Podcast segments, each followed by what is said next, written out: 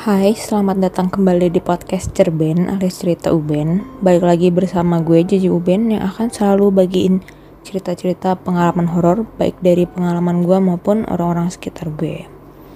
Hmm, gue ingetin lagi uh, di sini di podcast Cerben ini gak ada unsur paksaan buat kalian percaya sama apa yang gue ceritain. Tapi kalau kalian percaya ya syukur, kalau nggak percaya ya anggap aja ini cuma cerita, oke? Okay? Gue akan kembali bercerita tentang kejadian yang gue alamin di Taiwan. Ya terutama di kota Taichung oke? Okay. gue mulai ya ceritanya. Kejadian ini tuh terjadi di Juli 2018 jadi tahun 2018 itu gue graduate dari univ gue. Dan kejadian ini tuh di tahun itu di salah satu kos-kosan di Taiwan. Tepatnya sama, tetap di kota Taichung juga. Pas itu tuh gue udah ngelewatin hari wisuda, tapi belum balik ke Indonesia karena nungguin ijazah keluar nanggung banget kan kalau pulang. Dikarenakan akan lebih mahal kalau gue stay lebih lama di dorm kampus dan kebanyakan teman-teman gue yang sekampus pun udah balik ke Indo, jadilah gue numpang selama kurang lebih 20 hari di kos-kosan temen Indo gue yang lain di kampus lain juga. Yang jaraknya ini tuh kalau dari kampus gue tuh kos-kosannya kurang lebih sejam. Kalau naik bus umum. Nah kos-kosan ini tuh sebenarnya kayak kos-kosan baru juga buat temen gue. Jadi buat sementara juga dia tinggal di kos-kosan baru ini. Daerah kos-kosan baru temen gue ini yang namanya Iren terbilang sangat strategis dan cukup ramai karena lokasinya deket sama kampus dia yang cukup terkenal juga. Jadi otomatis tuh banyak yang jual makanan dan banyak juga kos-kosan lainnya tuh di sekitar sana yang ditinggalin sama para mahasiswa dan mahasiswi kan tuh ya. Terus saat gue mulai nyicil pindah-pindahin barang dari dorm ke kosan, pas pertama kali nginjekin ini kosan tuh gue ngerasain dari luar cuman kayak kos-kosan Taiwan pada umumnya rumah 6-7 lantai. Pas masuk ke dalam ada lift ada tangga. Gue dan Iren ini masuk ke lift menuju ke lantai 5 jadi lokasi liftnya itu ada di tengah-tengah. Depannya tuh langsung ada ke tangga turun dan naik Terus kayak ada empat kamar di lorong kiri, ada empat kamar di lorong kanan yang saling berhadapan-hadapan gitu. Nah, kamar Iren ini tuh lokasinya ada di lorong sebelah kanan dan posisinya tuh di ujung banget. Pas ngelewatin lorong dengan tentengan kasur lipet dan koper kecil yang gue bawa tuh, gue ngerasa semakin ke ujung kok hawanya semakin lembab, agak dingin, dan berasa makin gelap. Padahal waktu itu tuh pas gue nyicil pindahan terus yang bolong. Dan di luar tuh lagi panas-panas ya. Tapi karena gue gak mau ambil pusing soalnya tentengan gue udah keburu berat banget nih. Iren bukain pintu kamar yang bahannya tuh kayak pintu bahan besi.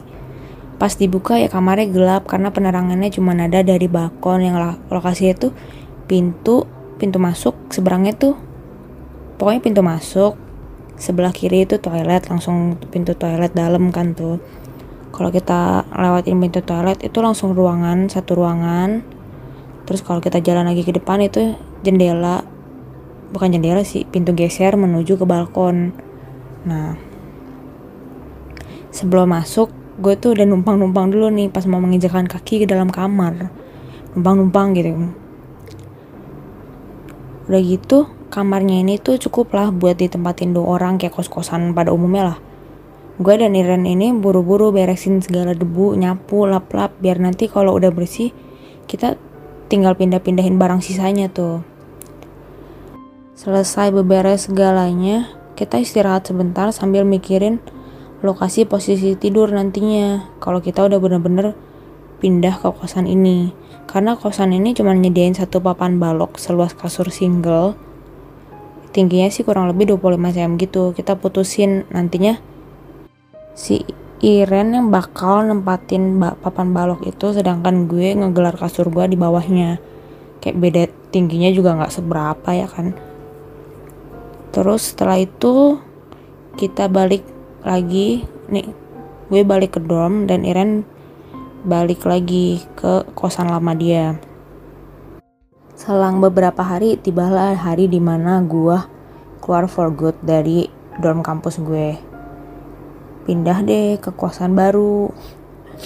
Gue sampai di kosan Iren tuh cukup sore waktu itu. Dan udah langsung ke kamar. Sambil ngobrol-ngobrol kita berdua gue ngeluarin-ngeluarin barang dari koper raksasa gue. Sedangkan si Iren tuh udah udah rapih lah barangnya udah beres dia kita ngobrol dia sambil main HP gak ada hal yang ganggu sedikit pun kecuali satu suara tek tek di antara obrolan kita. Tadinya tuh gue nggak sadar tapi suara ini tuh selalu ada. Dan suaranya tuh suara nya itu tuh kayak tetesan air ketemu ujung besi. Tapi sekilas juga kayak suara pintu besi kamar tuh yang gue bilang kayak kan pintu kamar kosannya kan kayak bahannya dari besi. Suaranya tuh juga kayak gitu. Kayak suara tek tek yang apa sih pintu besi kena ujung kuku. Nah tapi karena gue nggak mau ribet ya gue anggap aja itu kayak oh mungkin ada air bocor dan gue pun nggak ngerasa keganggu banget ya. Gue mikirnya mungkin kuping gue lagi cukup sensitif ketajaman di hari itu ya kan? Karena memang pendengaran gue cukup tajam. Tapi nya semakin gue berusaha diemin suaranya tuh masih kedengaran gitu loh berkali-kali di kuping gue. Walaupun gue sama Iren tuh suka heboh-hebohnya ngobrol. Dan gue tetap nggak gubris gak mau sih nggak mau gubris ya. Ya gue berusaha berpositif thinking ria menganggap kalau itu adalah suara tetesan air dan di malam itu hari pertama gue tinggal di kosan ya gue berhasil tidur dengan nyenyak sih. Karena gue kayak yang ayo ah, udahlah mungkin tetesan air. Di hari-hari berikutnya nih gue tetap mendengar suara tek tek. Itu berkali-kali. Mau pas ada Iren maupun gak ada Iren. Karena kalau hari biasa tuh si Iren kerja dan siang sampai sore gitu waktu kerjanya dan karena gue pengangguran seringnya gue sendiri di kosan. Dan gue mulai ngerasa ada yang gak beres. Tapi gue tetap berusaha ngindarin pikiran jelek gue. Tapi salahnya adalah gue mencari sumber suara itu. Gue ke kamar mandi nih buat nyari apa ada pipa atau bagian yang bocor netes-netes ke besi. Gue tempelin kuping gue di pintu di pintu yang besi itu. Anehnya selama gue cari sumber suaranya ya suara tek-tek itu tuh hilang. Terus gue udah diem nih. Kedengeran lagi dong. Beberapa saat kemudian. Padahal pas gue cari tuh nggak ada giliran nggak dicari ada. Nah pas sorenya kan si Iren balik dong ke kosan kayak biasa ritual kita tuh kalau Iren balik ya kita ngobrol dulu di kosan baru cari makan keluar kosan terus kalau abis selesai makan baru kita balik lagi ke kosan terus mandi segala macem ngobrol-ngobrol sambil tiduran dan Selama ngobrol-ngobrol sambil tiduran itu, gue kembali mendengar suara tek, tek, gitu. Beberapa kali, dan ini gue ke, lumayan keganggu ya. Dan akhirnya gue lempar pertanyaan ke Iren. Han, lo denger gak sih ada suara tek-tek gitu? Si Iren cuma bingung, dia diem bentar. Hmm, ah, gue gak denger apa-apa aja terus kita sama-sama diem nih gak lama ada bunyi tek barulah Iren nggak denger dan dia baru sadar ada suara tek-tek itu terus Iren ngomong lagi ah paling suara apa netes J? Ya gue juga mau nganggapnya sih suara tetesan ya. Tapi hati hati kecil gue ini tuh kayak hmm, mengasih sinyal-sinyal lain. Udah beberapa hari dari kejadian itu dan gue udah tinggal berapa lama di sana gue semakin sadar suara tek-tek itu bakal mulai kedengeran di sore hari mulai makin kedengeran ya.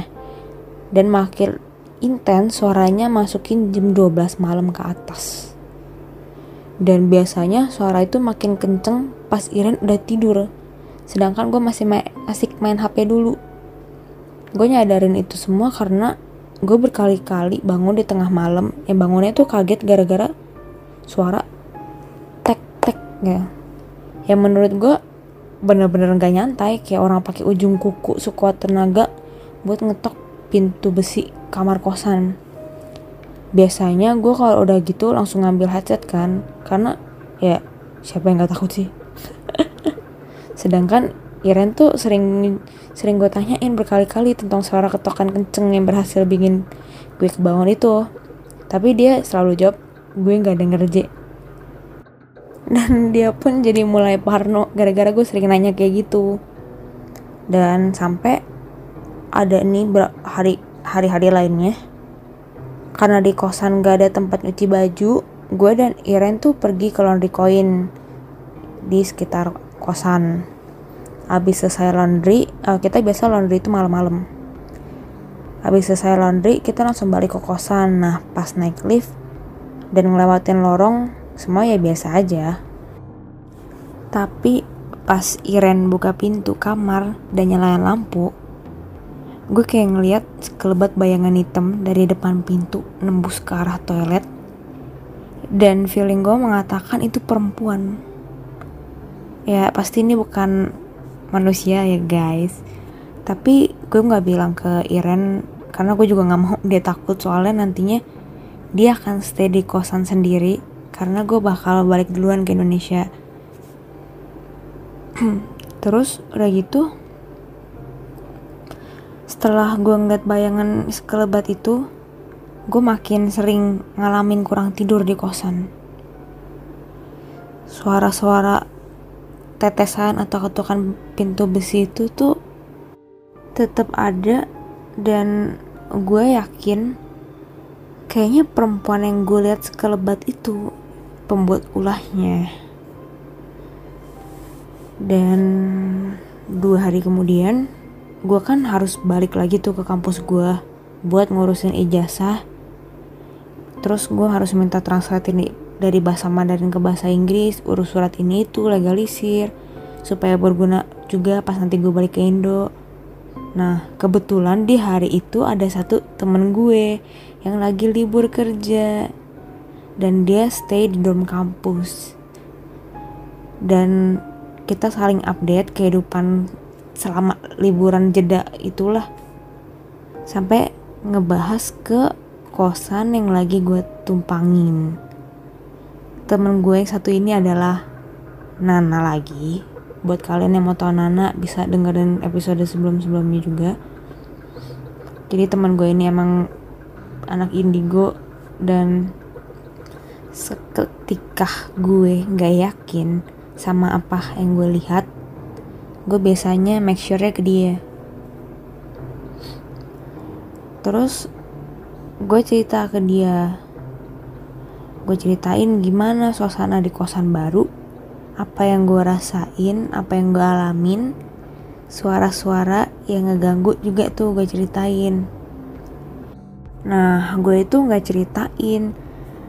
Gue nggak ceritain dulu ke dia tentang perempuan yang gue lihat di kosan buat nyocokin apa yang gue lihat itu sama yang dia terawang tuh sama atau enggak. Terus gue tembak aja pertanyaan ke dia. Nah menurut kamu di kosan aku yang sekarang ada gak sih? Nah si Nana tuh cuma nyengir kita saling tatap-tatapan. Tapi gue sambil cengengesan karena sebenarnya gue juga takut-takut tapi butuh konfirmasi gitu loh. Nah si Nana pun bales. Ah J nanti Jojo takut. Dia ngomong kayak gitu. Ya jujur takut tapi tetap butuh jawaban dia gitu.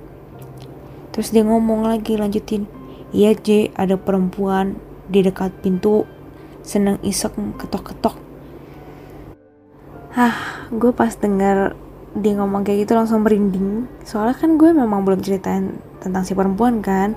Dan jawabannya itu benar-benar tepat sasaran sama semua apa yang gue alamin sama dugaan-dugaan gue selama di kosan itu. Nah si Nana ini ngasih tahu kalau cewek itu tuh cuman iseng dan pengen ngasih tahu kalau ada dia di sana. Abis selesai ngomongin perempuan itu gue gue dan Nana tuh ngabisin waktu bareng sampai malam. Gue akhirnya naik bus balik ke kosan dan selama perjalanan pikiran gue tuh nggak lepas dari fakta yang baru gue dapetin. Gue jadi males balik kosan gitu tapi kalau gue nggak balik ke kosan kasihan Iren sendirian ya kan? Gak mungkin lah gue tinggalin dia sendirian. Nah pas sampai di kosan tuh kurang lebih jam 8 malam gue berusaha bersikap biasa aja pas masuk ke dalam kosan.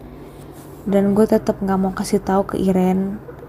Tunggu dia balik ke Indonesia aja baru gue ceritain full storynya terus abis ngobrol-ngobrol antara gue dan Iren kayak biasa kita mutusin buat jajan makanan di sekitar kosan.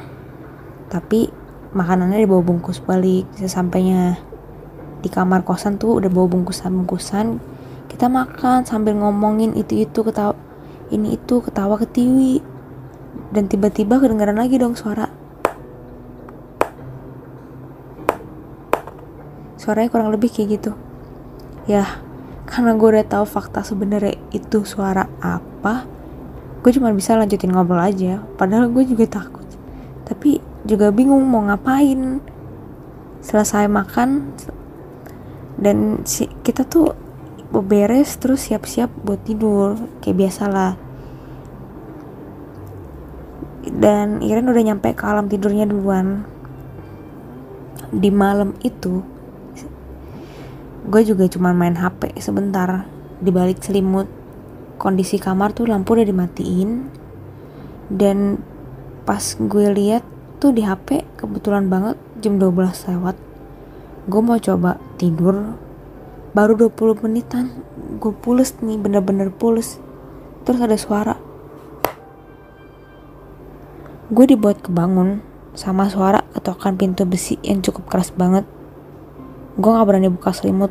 Setelah gue tahu siapa yang bikin suara itu kan barusan tahu dari si Nana kan. Dan gue gak berani buka selimut takut dia akan kelihatan jelas di depan mata gue saking parno ya sedangkan takut itu sebenarnya hal yang gue hindarin sih. Tapi kenyataannya adalah suara ketokan pintu besi kamar itu semakin jelas kedengeran gue buka celah sedikit. Selimut gue ngadep ke arah Iren buat lihat apakah dia kebangun dan ternyata sumpah tidur pulas banget sih. Terus tuh ketokannya tuh semakin kayak gini bunyi ya.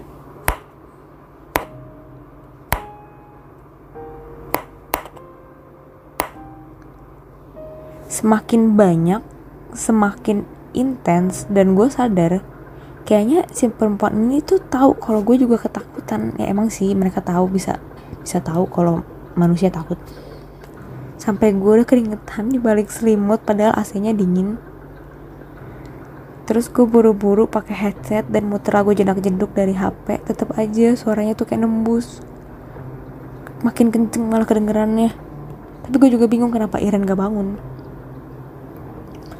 Terus udah gitu mau gue diemin aja tapi nggak bisa. Sekitar jam 3 subuh. Sampai jam sampai sekitar jam 3 subuh bayangin tuh.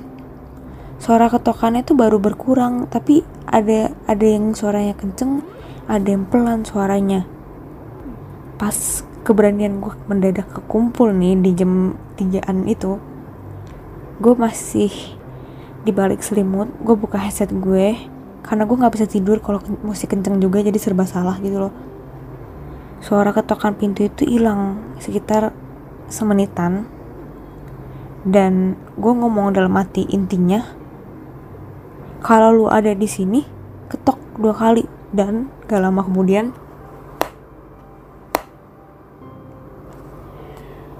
oke okay, itu jawaban cukup jelas dari perempuan di pintu sana dan gue kembali ketakutan bodoh banget abis nantangin terus ketakutan kan aduh.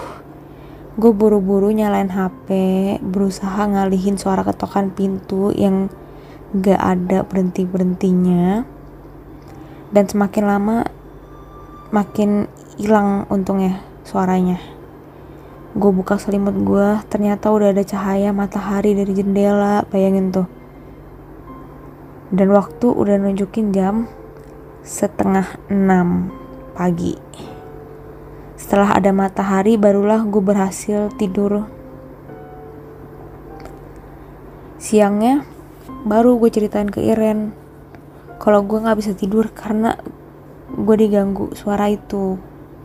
Tanpa nyeritain siapa yang bikin suara. Dan akhirnya gue tetap stay di kosan itu sampai ijazah kelulusan gue yang dilegalisir segala macam keluar. Dan suara ketokan pintu itu intinya masih kedengeran. Eh gue jadi makin rajin doa lah walaupun kedengeran masa keganggu. Tapi jadinya gue mulai terbiasa dan terima suara ketokan itu. Bahkan pas hari H gue ninggalin kosan itu gue pamitan dalam hati. Bayangin sopan banget kan gue pamitan loh pas mau ninggalin si kosan nih gue bilang please jangan gangguin Iren. Walaupun kemungkinannya kecil banget Iren bakal diganggu tapi gue ngomong kayak gitu. Ya sekian cerita dari pengalaman horor di kosan di Taichung ini. Dan pelajarannya adalah jangan menantang biasa kebiasaan nantang nih kayak gini so udah selesai episode ini. Lumayan panjang nih ceritanya. Oke. Okay. jangan lupa buat kalian yang udah dengerin cerben ini jangan lupa dengerin episode-episode sebelumnya buat nemenin waktu kosong waktu kerja pokoknya waktu apa pun yang kalian punya pas bosen dengerin cerben lah. Iya dan buat kalian yang mau berbagi cerita horor atau mau jadi tamu di podcast cerben boleh banget. DM gue aja langsung ke Instagram jjuben. J e j j e j u b e e n uben so tunggu episode berikutnya. See you salam jj uben bye